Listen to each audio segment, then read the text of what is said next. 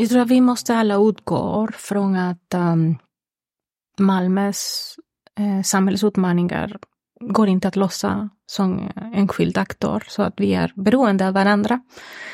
Eh, förstå detta. Och jag tror inte går heller att lösa bara med föreningar och kommunen. Eh, det är en bra start, men vi måste engagera andra aktörer. Och...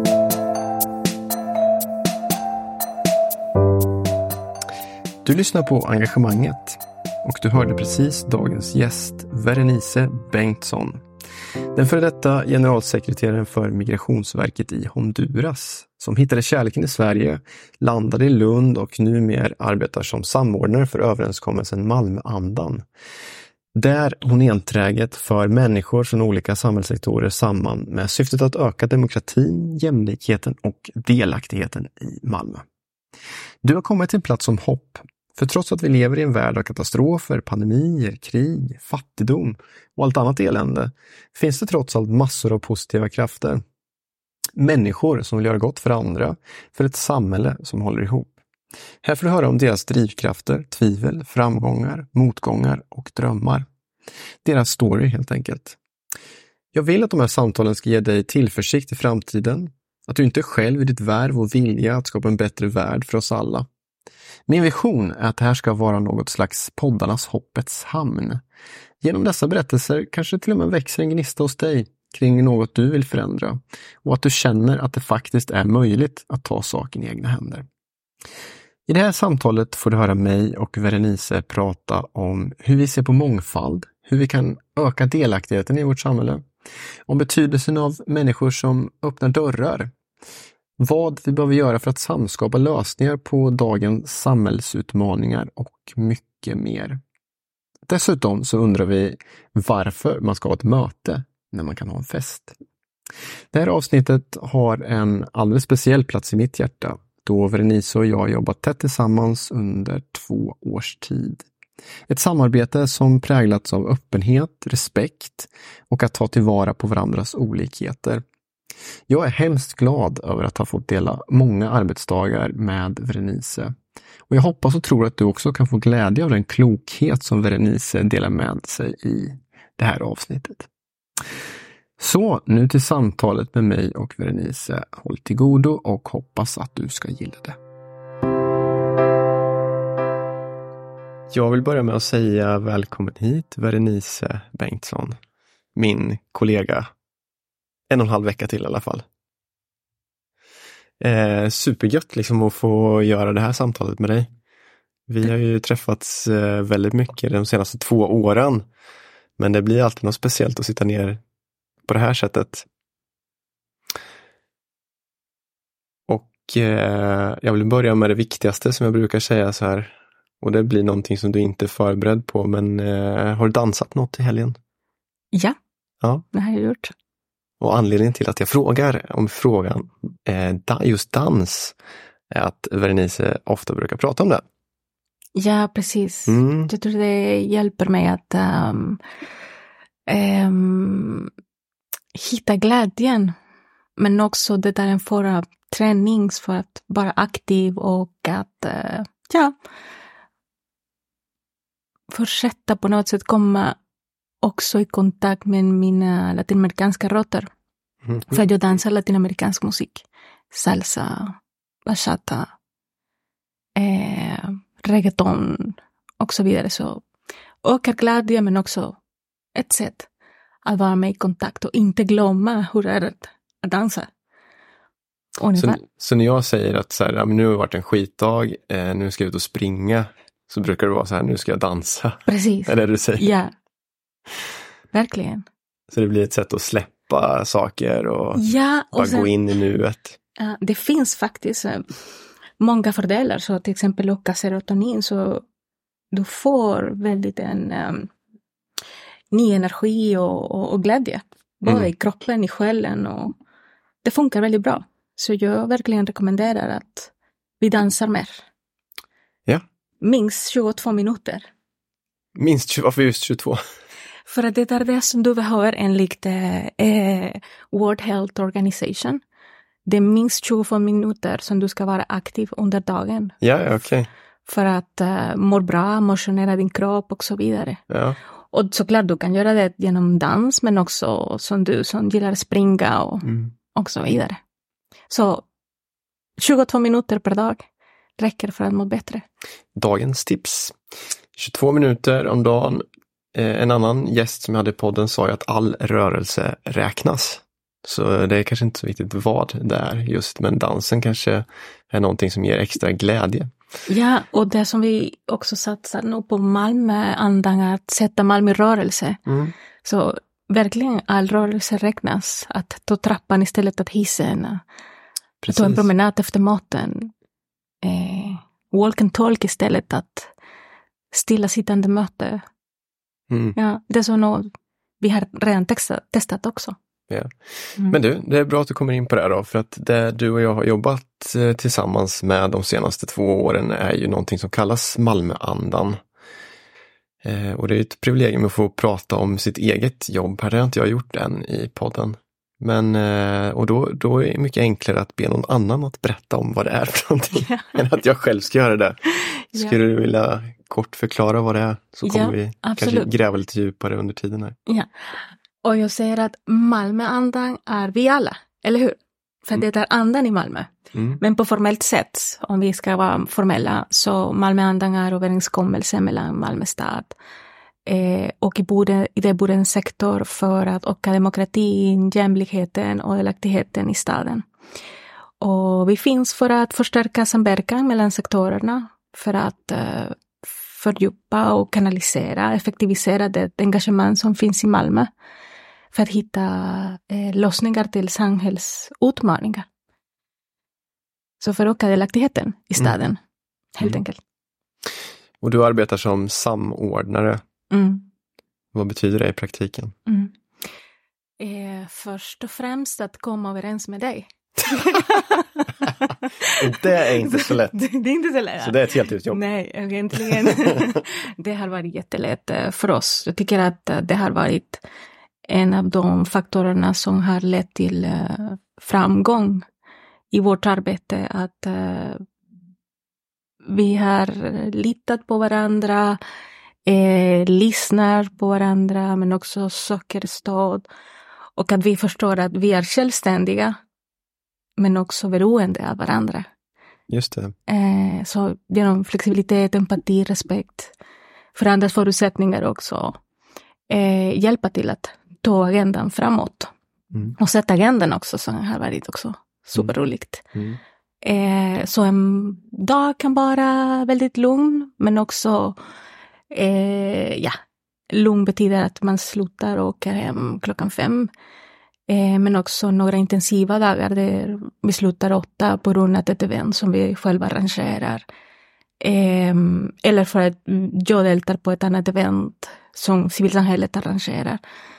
Bara för att visa stöd, intresse, eh, men också som, som, som vi sa innan vi började podden, att eh, lära sig. Jag lär mig hela tiden om civilsamhället och vad som händer i staden. Det är mycket event som arrangeras. Mm. Många event som arrangeras hela tiden. Så att vara där, visa stöd, intresse och något som vi gör eh, varje dag är att bygga nätverk. För att finns inte samverkan om vi har inte det här nätverket. Ehm, men jag är samordnare och eh, kommunikatör och springpojke samtidigt. För allt arbete som detta innebar, så vi arrangerar Ja. lärande lunch, Malmötimmen, inspirationsföreläsningar, seminarier, dialogforumen och allt detta som innebär bakom kulisserna. Från ibland så har vi varit på köket och kokat kaffe och handla och städar efter ett event. Um, boka föreläsare, panelister, ehm, att sätta strategin, eh, presentera ett förslag till styrgruppen, eh, sätta agendan. Ja, från det strategiska till eh, det mest grundläggande. Som, som sagt att ibland så måste man handla fika. Mm. Eh, och eh, ja, fixa ett Mycket event. olika. Ja, precis. Mycket olika saker. Kanske något som, som eh, de som, vill, som lyssnar nu eh, måste veta är att Malmöandan finansieras helt och hållet av Malmö stad. och vi har inte ett stor budget. Eh, så vi måste vara kreativa med den här budgeten som vi får och, och det innebär också att vi behöver göra en del av arbetet Mm. för att det ska fungera. Mm. Eh, precis, jag tänker att för de, för de jag träffar som inte förstår vad jag sysslar med så brukar jag ibland säga att jag jobbar som mötesarrangör. Hänger du med på vad jag menar? Och Och, och jag, jag tänker att eh, du gör det i ännu högre utsträckning. För du är ju den som liksom har tagit ett jättestort ansvar för att fixa allt det praktiska kring Ja. boka lokaler, fixa fika och så vidare och så vidare. Du är ju liksom ett Ja. proffs på det. Ja. Jag vet inte om du har blivit det i och med det här jobbet eller om du var det från början. ja, jag fick en del av erfarenheter tidigare också på Mine. Där Mm. Mime också arrangerade många workshops, eh, föreläsningar och, och så vidare. Och med mindre resurser ibland Just det. än eh, Malmöandan, det vet du som också har jobbat på Mine. Eh, så en del av erfarenheter har jag haft också. Mitt engagemang inom Business and Professional Women Malmö som ordförande, en del av styrelsen sedan 2019 och precis eh, eh, lämnade uppdraget till någon annan, eh, Sara Ekberg. Och eh, ja, det gäller, alltid deltarbete gäller att man också arrangerar men också springer hit och dit för att allt ska vara på plats och, och fixas. Mm. Um, mm. Som, något som jag kan säga är att det är något som jag lärde mig i Sverige också. Eh, I Honduras så en annan struktur också. Jag jobbade som generalsekreterare på Migrationsverket.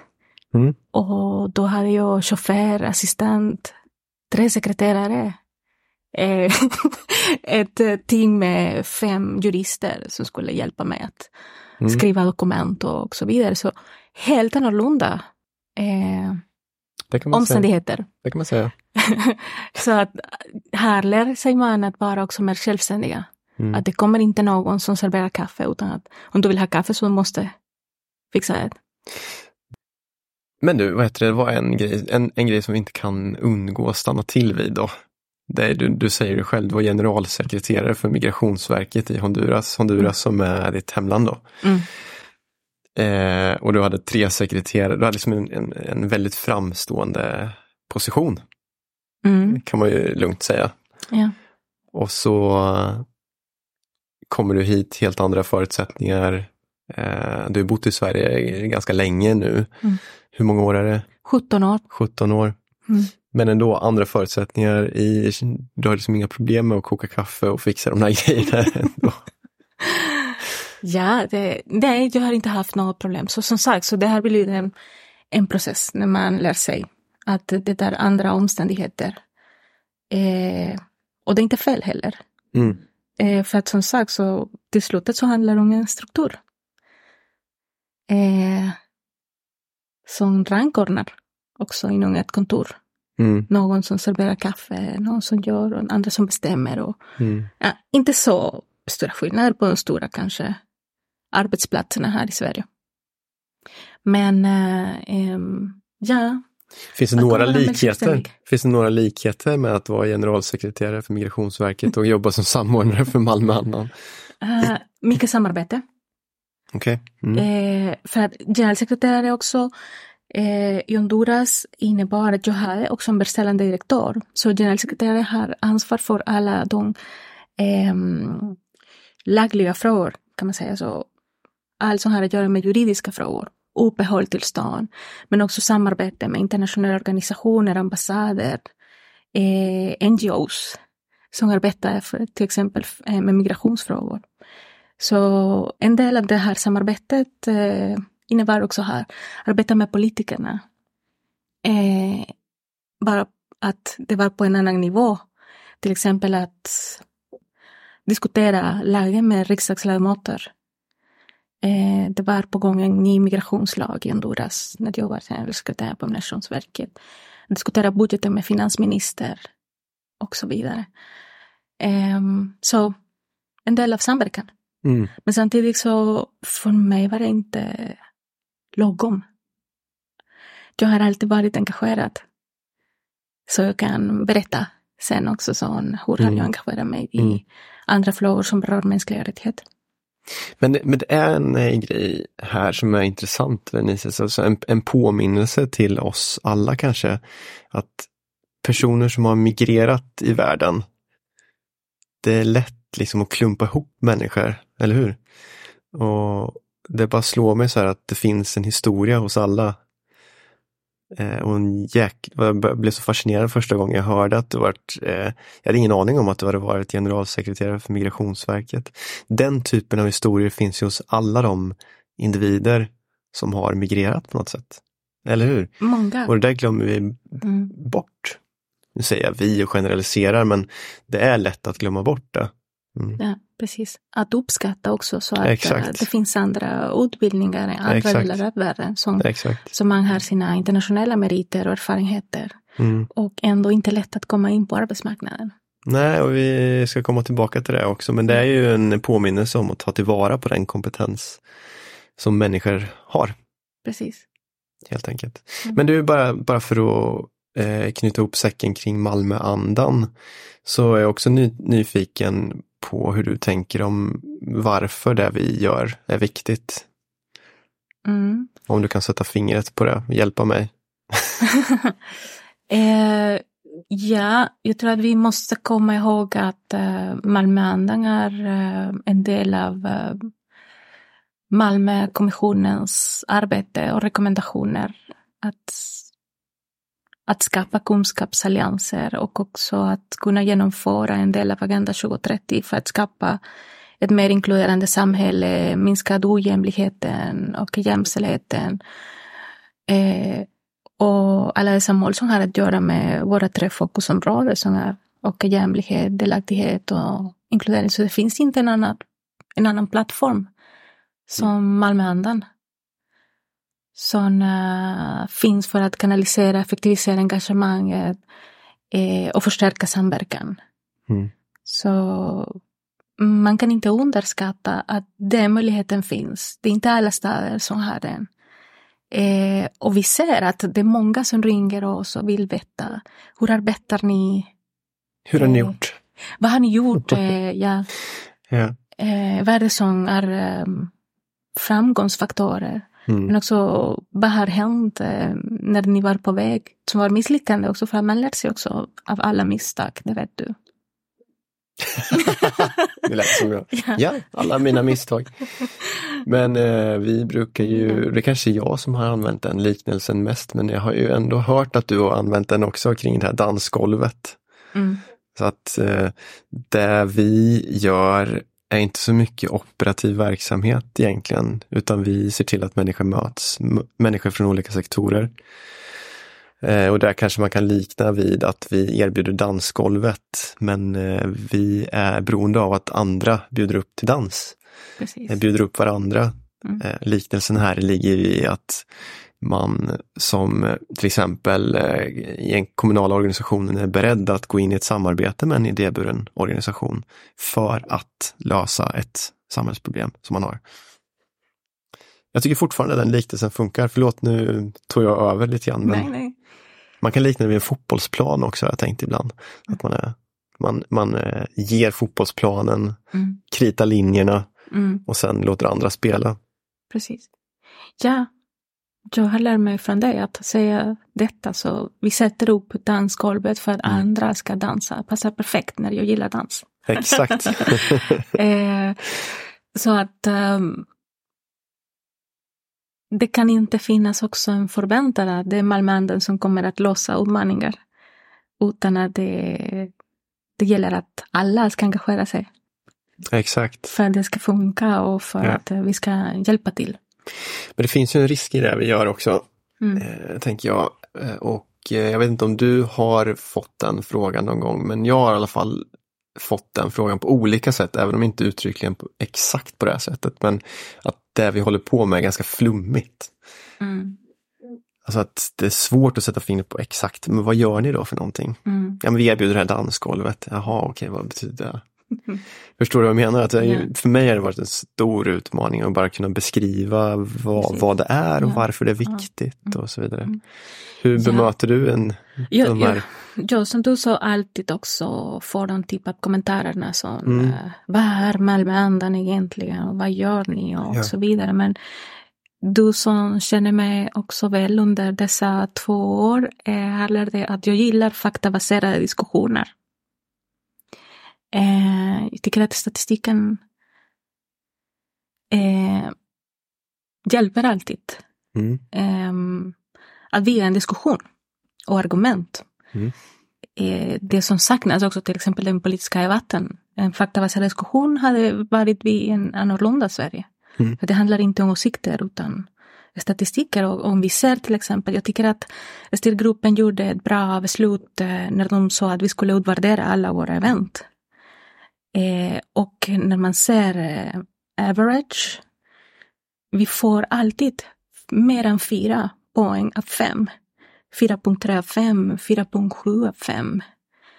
Eh, och till exempel när vi går på hemsidan så har vi tagit en del av alla dessa utvärderingar och publicerar dem. Vad säger folket? Så jag kan läsa några som till exempel finns på hemsidan. Eh, kommentarer och feedback. Ni gör ett strålande jobb med att möjliggöra kreativa möten mellan det idéburna och kommunala. Det var väldigt givande. Jag hoppas på att det arbetet kan fortsätta även under nästa år. Mina förväntningar handlade främst om att hitta en plattform där vi möts på samma villkor för just dialog. Där samtalet och lösningsfokuset tar störst plats.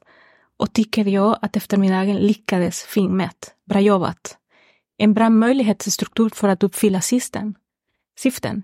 Väldigt bra arrangerat. Bra utvalda personer till panelen. Intressant och inspirerande. Ett bra engagemang. Jag ser fram emot liknande forum i framtiden. Mm. Så jag tycker att man uppskattar att det finns Malmöandan. Och det finns som sagt så utvärderingar, eh, kommentarerna. Vi har såklart fått eh, konstruktiv feedback skulle jag säga. Inte negativ. Nu tog du bara det som var fint. Ja, Så precis. det finns också Men, de, men, men egentligen så det handlar till exempel om kommentarerna som att vi förväntar mer engagemang från pol- politikerna. Eh, ja, att kanske låta bara våra träffar vara mer spontana, inte så tydlig och punktlig agenda som allt som ska göras är redan klart. Utan att ge luft till spontanitet. Men jag måste säga att det handlar ungefär om åtta av tio uppskattar alla dessa träffar som Malmö arrangerar. Mm. Och det är precis det, att man träffar politiker, tjänstepersoner, föreningar, aktiva i föreningar, eh, som leder också till att hitta samarbete, bygga nätverk. Precis. Mm. Nej, men det är fint att du börjar i det som är här tycker jag. För att jag håller ju med dig naturligtvis. Jag tror att vi behöver eh, fokusera på vad vi har för problem eller utmaningar framför oss och sen inte vara så noga med vilka vi samarbetar med. Alltså vi samarbetar med dem som vi tror kan ge ett, eh, en positiv effekt för det vi vill påverka. Så har jag hela tiden sett det. Men sen ser jag också att det finns en rad svårigheter i Mm. att samarbeta på, de här, på det här sättet. Och jag har ju tänkt på det här mycket genom åren. Men eh, jag vill höra hur du funderar över det också. Så här, svårigheterna i att eh, samarbeta mellan sektorer, mellan organisationer. Vad är det du Mm. tänker på först och främst då? Mm. Ehm, jag tror att vi måste alla utgå från att um, Malmös eh, samhällsutmaningar går inte att lösa som enskild aktör, så att vi är beroende av varandra. Eh, förstå detta. Eh, och jag tror inte går heller att lösa bara med föreningar och kommunen. Eh, det är en bra start, men vi måste engagera andra aktörer och till exempel sam samarbetsplanen ger oss möjligheten till att um, medverka med andra aktörer, akademin, näringslivet, det lokala näringslivet och så vidare. Um, såklart är det svårt. Eh, jag tror att vi måste, vi satsar lite tid för att lära känna varandra, eh, lägga tid för att inte bara tänka på produktion, resultat, leverans, att vi måste göra hela tiden. Men vi ger inte tid för att samarbetet ska fungera. Att bygga relationerna. Att bygga relationerna, mm. precis. Ja. Och när det kommer till Malmöanden som är en överenskommelse mellan kommunen och, och civilsamhället så jag tror att alla dessa civilsamhällets representanter och politikerna också som är en del av styrgruppen som måste också komma tillbaka till överenskommelse och leva efter de principerna också som finns i överenskommelsen. Um, så här självständighet, oberoende, en uh, ärlig dialog, uh, tänka långsiktigt, um, öppenhet och mångfald. Så att vi själva lever som vi lär. Mm. Um, tror det är nyckel för samverkan att följa eh, de ramverk som, som överenskommelsen har. Mm. Eh, och som har gett oss. Så det finns en struktur. Kanske, ja, det kommer kanske min juristsida. Jag gillar att följa upp strukturer. Jag kan, jag kan vara spontan och kreativ. Men jag tycker att ramverket är superviktigt också för att etablera riktlinjer. Just det. Vad som gäller, vad som inte gäller. Mm. Det gäller att hålla sig till det sen då. Precis. Ja. Få andra att hålla sig till det. Ja. Men du, jag, jag, vi pratar om samhällsutmaningar lite i vid mening här och jag har inte gett något exempel heller på vad det skulle kunna vara. Ska vi säga någonting om, om det? Vad, vad tänker du? Finns det några exempel här på vad vi behöver jobba tillsammans för att lösa i Malmö? Mm. Ja, jättestora komplexa uppdrag när man tänker på vad sysslar man med andra med jämlikheten, inkludering, delaktigheten, demokratin. Mm. Um, men jag tror att um, um, samarbetet är nyckel. Men det behövs också fördjupa kompetensen och kunskap. Mm. Och det kan vi göra tillsammans, till exempel när det gäller demokratifrågor eh, öka kunskap om vad demokratin är. Mm. Egentligen. Eh, hur är vi mer kritiska och en självkritiska men också en kritikröst mot allt som händer i, i Sverige just nu. Ja. Eh, när vi ser att uh, det finns små handlingar som kan leda till att nedmontera demokratin. Jag saknar en del av det här i den offentliga debatten i staden. Mm. Eh, så förstärka eh, samarbete, fördjupa kompetensen, kunskapsfrågor, det är något som vi kan göra. Eh, motverka diskriminering på arbetsmarknaden, det går. Om man skapar allianser, eh, man sprider kunskap, och medvetenheten om problematiken på riktigt. Mm. Vi vågar prata om rasism och diskriminering. Eh, och vara medvetna att vi alla är en del av problemet. Men också kan vara en del av lösningen. Sen kan det ju vara, Vernese, om man bara ska ta någonting som vi jobbar med just nu, så kan det vara en utmaning som handlar om att vi eh, blir allt mer stillasittande. Både vuxna och barn. Och vi rör på oss alldeles, alldeles för lite. Vilket i sin tur gör att vi får eh, så kallade livsstilssjukdomar, mm. såsom diabetes typ 2, mm. som kryper ner i åldrarna. Det var tidigare mest äldre som fick det, väldigt gamla personer. Så, och, och det har vi som ett fokus i år, försöka mm. att mm. eh, skapa relationer med aktörer som skulle kunna bidra till en positiv förändring för att fler kommer i rörelse. Precis. Så det är en väldigt konkret utmaning kan man säga och en gigantisk utmaning skulle jag säga. Mm. Ja, mm. och att vi kan alla bidra.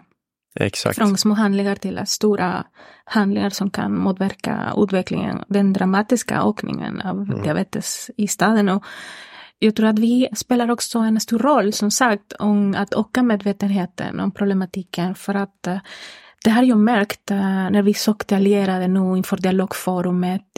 Um, partners och bjuda folket att prata diabetes så tror man att det handlar bara om personer som drabbas av sjukdomen. Men ja. till slut så det handlar om att kostnader ökar för hela samhället. Det, det kommer relaterade sjukdomar. Eh, ja, att på något sätt alla kommer att bli påverkade av det här, den här utvecklingen. Så eh, jag tror vi spelar en stor mm. roll och att öka medvetenheten att sätta på kartan, hej, det här är ett problem som berör oss alla och vi måste ta hand om detta tillsammans. Ja, och sen en annan grej där, i, i förhållande till det och i förhållande till demokrati tänker jag, Berenice, är att eh,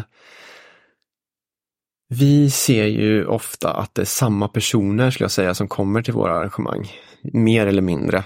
Mm. I, ibland ser vi nya ansikten, men mycket samma ansikten som vi ser. Och det där har vi ju jobbat på olika sätt för att, inte för att motverka att de, ska, de som är engagerade ska få komma, men att bredda den. De som, de som tar del av eh, våra arrangemang. Eh, och, och i förhållande till diabetes typ 2 så finns det ju mönster i staden där vissa eh, geografiska områden kan man se är, och de människorna som bor där är mer drabbade. Så. Mm. Och vi kan också se att de människorna som bor i de områdena är inte de vi träffar primärt. Mm. Så att det finns ju ett, och dessutom ska man lägga till då, i de områdena som kallar det röda områden, mm. är också hög arbetslöshet, mm. kanske eh, lägre utbildningsgrad, du har eh, ja, men, lager av problem, liksom, mm. barnfattigdom, fattigdom mm. och så vidare. Mm. Så vad vill jag komma med den här frågan? Jo, jag vill komma till det här alltså att hur, hur breddar vi våra sammanhang? Hur får vi med de människorna mm. och de organisationerna som eh, företräder de människorna? Mm. Yeah. Svår fråga kanske, men jag tänker att det handlar om Inkludering och demokrati. Ja, absolut. Mm. Så jag tror att när man känner sig delaktig eh, på riktigt så mm. kan man också hitta lokala lösningar. Eh, precis som, som Huda Ava sa på vår Malmötimmen. Så att det gäller att bygga tillit. Det går att bygga tillit. Eh, och hitta eh, lokala lösningar som engagerar medborgarna på riktigt. Um, samtidigt så eftersom diabetes är också som en konsekvens att marginalisera, marginalisering, eh, fattigdom, arbetslösheten. Så det går inte att rensa bort det här ansvaret som hela samhället har mm. för att skapa till exempel en mer inkluderande arbetsmarknad. Eh, och därför säger jag att det går inte att hitta våra lösningar nu till diabetes och vara engagerad civilsamhällets organisationer och kommunen, både med politiker och tjänstepersoner, utan att också öka medvetenheten inom näringslivet. Varför är det viktigt att vi öppnar också mer arbetsmarknaden? Eh, att alla ska arbeta för att folket ska vara en del av samhället, eh, hitta sin plats i samhället och bidrar till, eh, till att um, skapa ett mer hållbart samhälle. Men det behövs vi kommer tillbaka till dans. Dansa tango krävs två. Mm. Så att eh, det gäller att vi som ibland flyttar från andra länder eh, ska satsa på att vara produktiva och vara en del av samhället och ha den viljan också så att, att uh, hitta en plats här. Men också någon annan som öppnar dörren. Just det och så ser poten, potential istället av förhinder och, och så vidare. Så um, man, när man ser så vilka befinner sig i, i fattigdom, barnfattigdom. Barnfattigdom eh, i Sverige är relaterat till att du har två utrikesfödda föräldrar eller du har en ensamstående förälder bakom dig. Och det säger allt. Mm. Så att till slutet så handlar det om att hur arbetar vi för att skapa en mer inkluderande arbetsmarknad? Mm. Det är så många bottnar i, i det ju. Eh, och det är en komplex fråga naturligtvis. Och är du inne på det, alltså att vi behöver se det i sin helhet för att kunna bidra till lösningar i det. Mm. Jag funderade på här um, vi var inne på det förut, Vernice, i förhållande till din egen bakgrund. Eh, ju. Eh, och eh, du kom hit för 17 år sedan från Honduras. Jobbat med mänskliga rättigheter eh, på olika sätt om jag förstått rätt. Va? Mm. Eh, och eh, i förhållande till det vi pratar om nu, inkludering ja, och eh, mångfald kanske. Mm. Som jag tänkte att vi skulle försöka reda ut lite kring. Men bara för att börja där kring, det, kring dig själv så i, när vi har jobbat ihop så tycker jag att jag hör någon slags underton ibland i en, en frustration kring att inte kunna prata på ditt eget språk. Mm. Att du har så mycket mer potential i dig än, än jag ser. Ja. Förstår du vad jag menar? Ja, ja, precis. Ja, jag säger till, till dig ibland, du vet inte hur smart du är på spanska. Nej, det vet jag inte och jag förstår precis det. ja. ja, och det där är den uh, frustration som många uh, Ja. som flyttar eller flyr till Sverige Mm. bär med sig. På grund av språket, för det tar tid att lära sig språket. Um, jag tror förväntningar kan också vara kanske lättare eller eh, ja, inte så stora krav. Så att förstå att vi kommer inte att prata perfekt svenska. Aldrig. Eh, vi har ett annat språk. Hjärnan är så smart att det påverkar vår olika sätt att uttrycka, accenter och så vidare. Så eh, det kräver som sagt vilja att lära sig och att utveckla, men också att på den andra sidan ser potentialen istället att bara variera när det gäller språket. Exakt. För det är väldigt frustrerande. Så jag vet att jag ibland så har mycket att säga, men ibland så håller jag tyst för att ja, kanske det, låter, det ska låta dum, Mhm. det som jag ska säga, för att jag kan inte förmedla hela budskapet. Mm. Och såklart, det har utvecklat under åren. Och det där tack vare att det var någon som vågade öppna arbetsmarknaden för mig. För att jag... Eh, när jag flyttade till Sverige så satsade jag väldigt mycket på att göra allt som samhället också kräver. Att du ska lära dig språket, utbilda dig och så vidare. Så jag hade redan min, min eh, eh, utbildning i juridik. Men jag tänkte såklart, att vara jurister är inte samma sak att vara jurist här.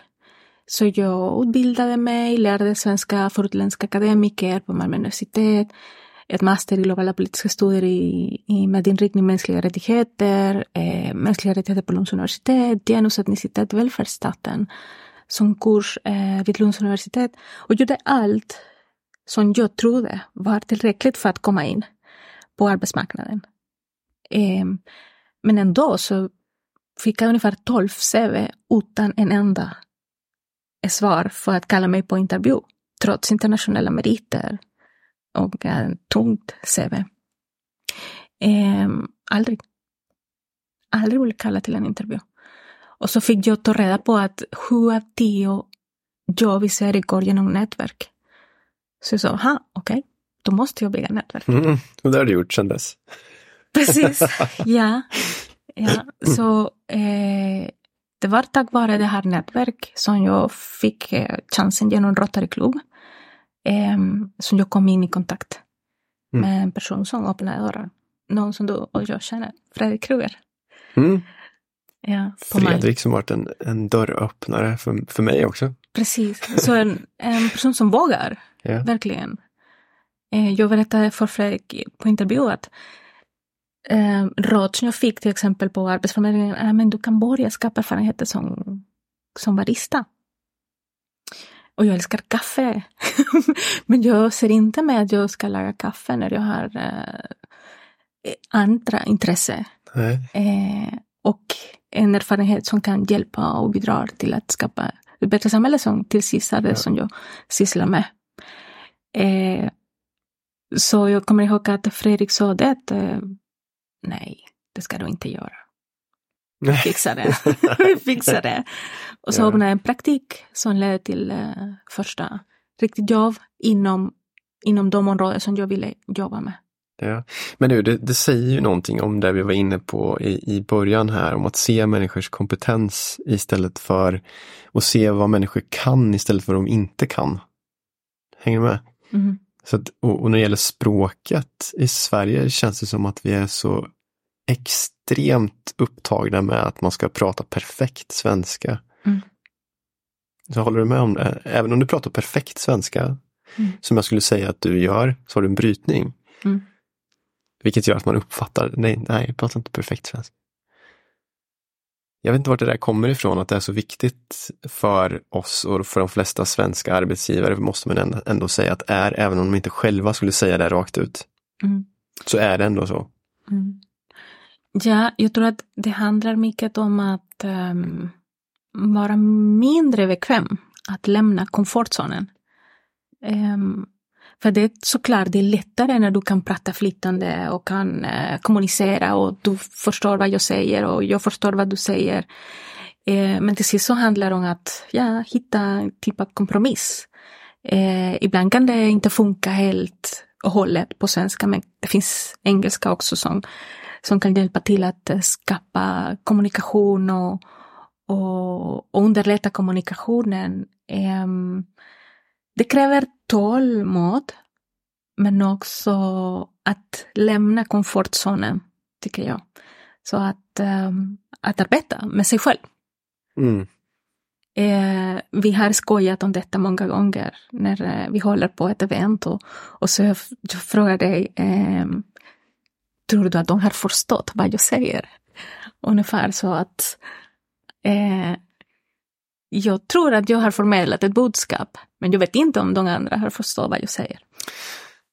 Eh, Nej, men vet du vad jag tänker om det? mm, Eh, nu bara rent spontant, är att eh, du är mycket mer noggrann med hur du förmedlar ett budskap än vad jag är.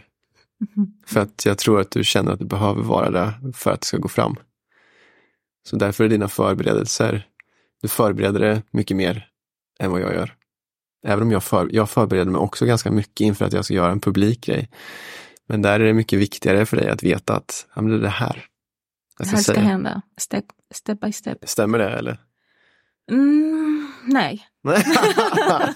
Det, tycker känns som inte. det. Du, du, Det tycker du, jag inte för att till exempel eh, när vi kommer till att ställa frågor, eh, skapa manus, eh, förbereda Mm. eh, en panel och, och vad ska vi ställa som frågor och så vidare. Så Det är mest du som bidrar också. ja, det är det jag det, som... med, med, struktur eh, Ja. och så vidare. Så, men att sen att Ja, vi kan komplettera varandra och, ja. och så vidare. Men, men såklart, det är viktigt för mig att, ehm, att ha en struktur. Mm. som hjälper mig att komma till målet. Mm. Eh, och om det, det finns inte den här strukturen så skapar jag den. Just det, om inte jag hade gjort strukturen hade du skapat den. Ja, absolut. Mm. Nej, struktur är svinviktigt för Ja. mig också av någon anledning. Mm. Eh, för att kunna eh, uppfattas som flexibel och spontan. Ja, Jag kan inte funka på, på något annat sätt. ja. Jag är sjuk på det sättet. Tror det måste finnas utrymme för spontanitet, kreativitet, Ja. eh, att, flexibilitet också. Om det Mm. inte funkar på, på detta sättet så måste vi vara öppna för att det ska funka på ett annat sätt. Mm. Men strukturen är, Mm. är viktigt. Men nu när vi pratar om mångfald då, så är det en annan sak som jag har funderat mycket på genom åren. Eh, och det är ju så här, utgångspunkten på något sätt för många skulle jag säga att det är positivt med mångfald. Sen finns det också ganska många som tycker att helt tvärtom. Men eh, det är ganska få som kan svara på frågan så här, men varför då? då? Varför är det positivt med mång mångfald egentligen? Mm. Ja. Vad, vad tänker du om det? Hur, hur, hur ser ditt svar ut på det? Mm. Jag tror det har olika svar. Det beror på Mm. vem pratar du med och vad är syftet också. Mhm. Eh, för att mångfald och vi som är mångfaldiga så enligt diskrimineringslagen finns redan kategorier som visar vilka är mångfaldiga när det gäller ålder, religion, etnicitet, kön, könsidentitet, sexuell läggning. Eh, så lagen ger oss vad, se, vad är mångfald? Mm. Eh, och hur och varför ska vi motverka diskriminering av dessa minoriteter? Eh, mm, det, när det kommer till eh, näringslivet så mångfald ska ses som ett mål, inte, inte som ett mål utan som ett medel för att nå andra mål.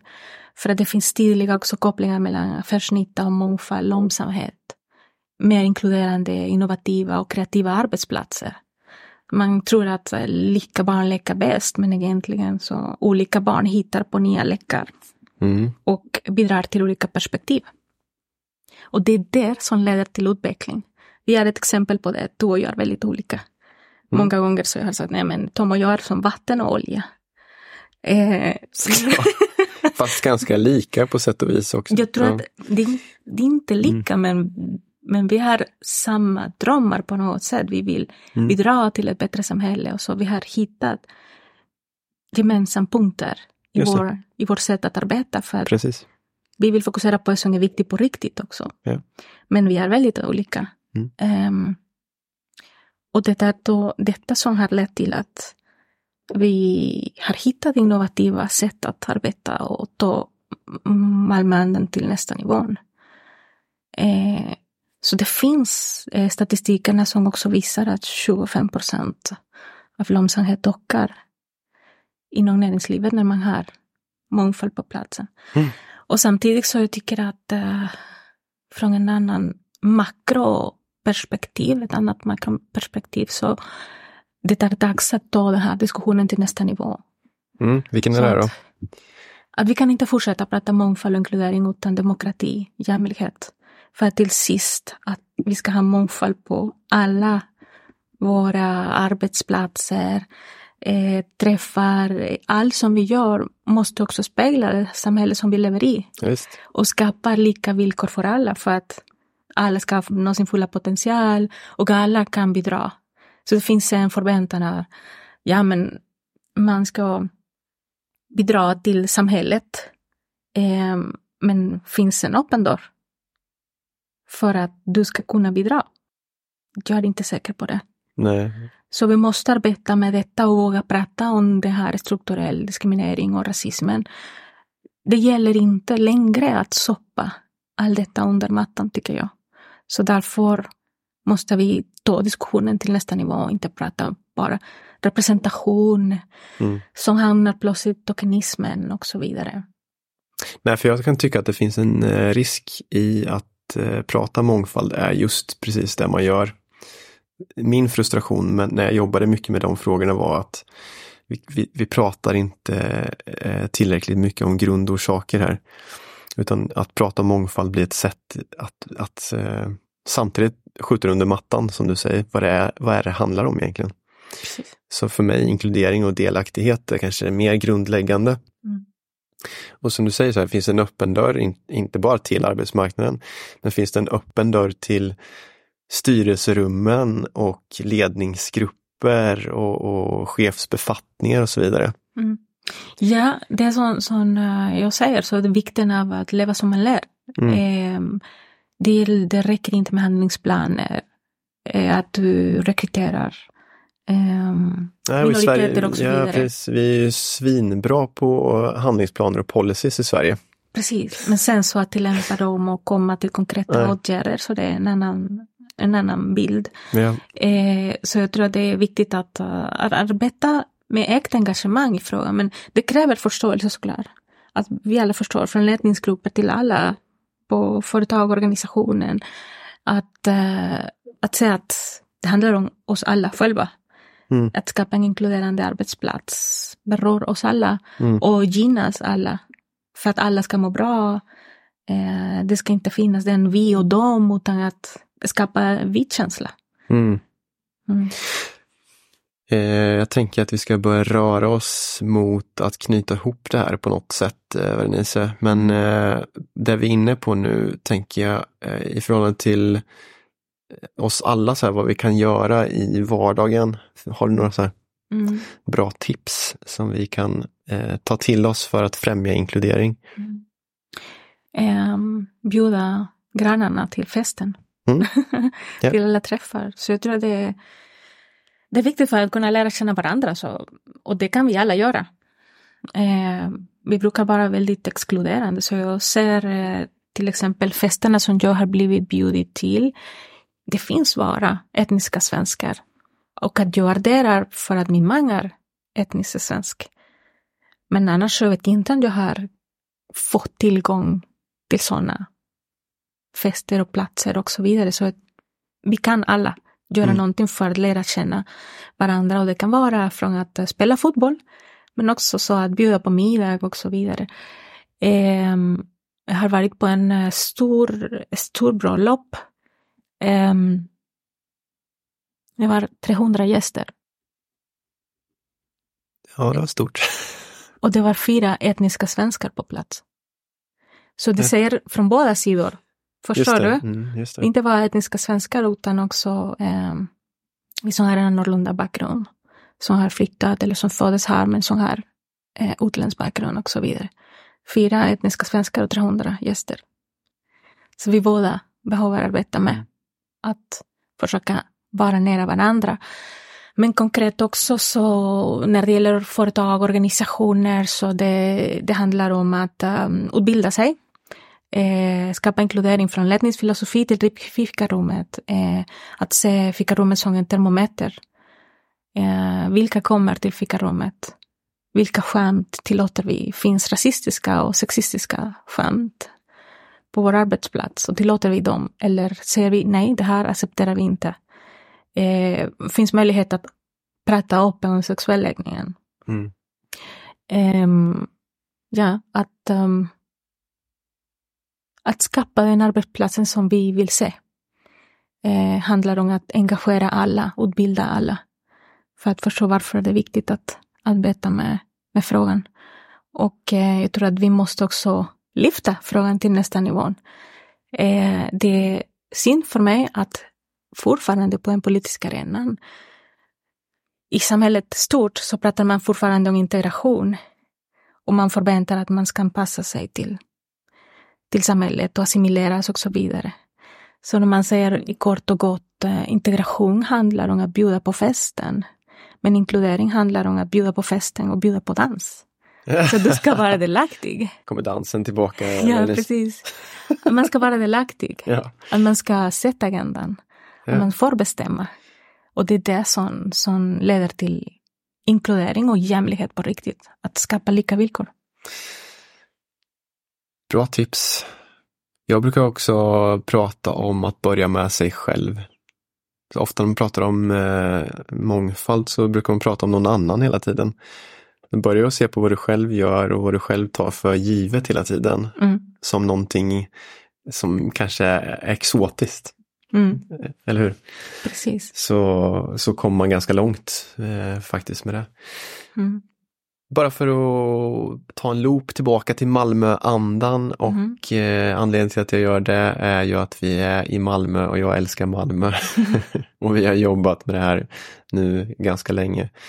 Så brukar jag fråga dem som är med i podden här hur, hur, hur den som lyssnar kan engagera sig på något sätt. Mm. Finns det någonting som man kan göra för att bidra till Malmöandan? Vad ska de göra då? Vart vänder man sig? Mm. Var delaktig, tycker jag. Så att komma mm. till uh, våra träffar, event, följ oss på sociala medier, vad som mm. händer i, i Malmöandan. Eh, sprid ordet också. Så, till sist, så Malmöandan handlar om oss alla. För att det, vi jobbar för att skapa ett mer jämlikt och delaktigt Malmö. Mm. Eh, så gå in på hemsidan, delta på våra event eh, och var med. Var med mm. i förändringen. Där har ni, var med i förändringen. Tack för samtalet Vernice. Tack Tom. Tack för att jag fick vara med här. Det var, tycker jag, um, en bra idé att sluta kanske vårt arbete som snart är slut den 31 maj är den sista dag. Precis, vi fortsätter samarbetet på andra sätt framöver. Det gör vi säkert. Mm. Tack. Tack.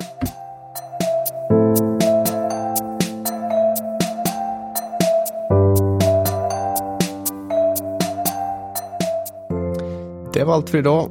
Tack för att du har lyssnat. Om du gillade det du hörde så skulle jag bli hemskt tacksam om du delade avsnittet vidare i ditt kontaktnät. Jag skulle också uppskatta om du vill recensera avsnittet, lämna en kommentar eller reflektion eller helt enkelt ge mig ett förslag på vem jag borde träffa härnäst i podden.